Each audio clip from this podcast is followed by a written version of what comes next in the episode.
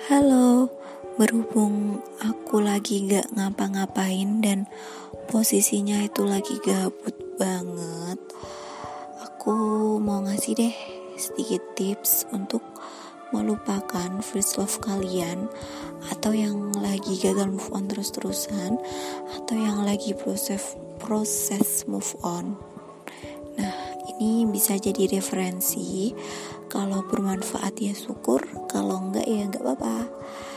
Jadi yang pertama kalian harus tetap aja atau biasa aja jika ketemu sama someone itu walaupun aslinya hatimu dak dikduk asli hal kayak gini tuh sulit dilakuin deh.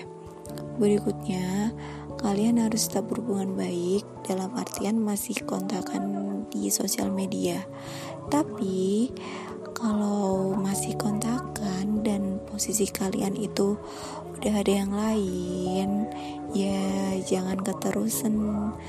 Nanti ujung-ujungnya nyakitin yang lagi deket sama kalian.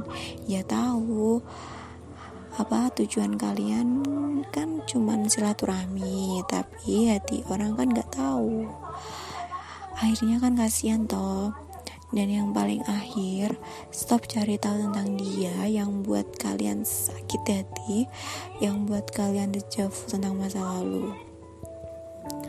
Pokoknya hindari deh stalking-stalking kayak gitu. Oke, okay? sekian dari aku. Semoga bermanfaat. See you.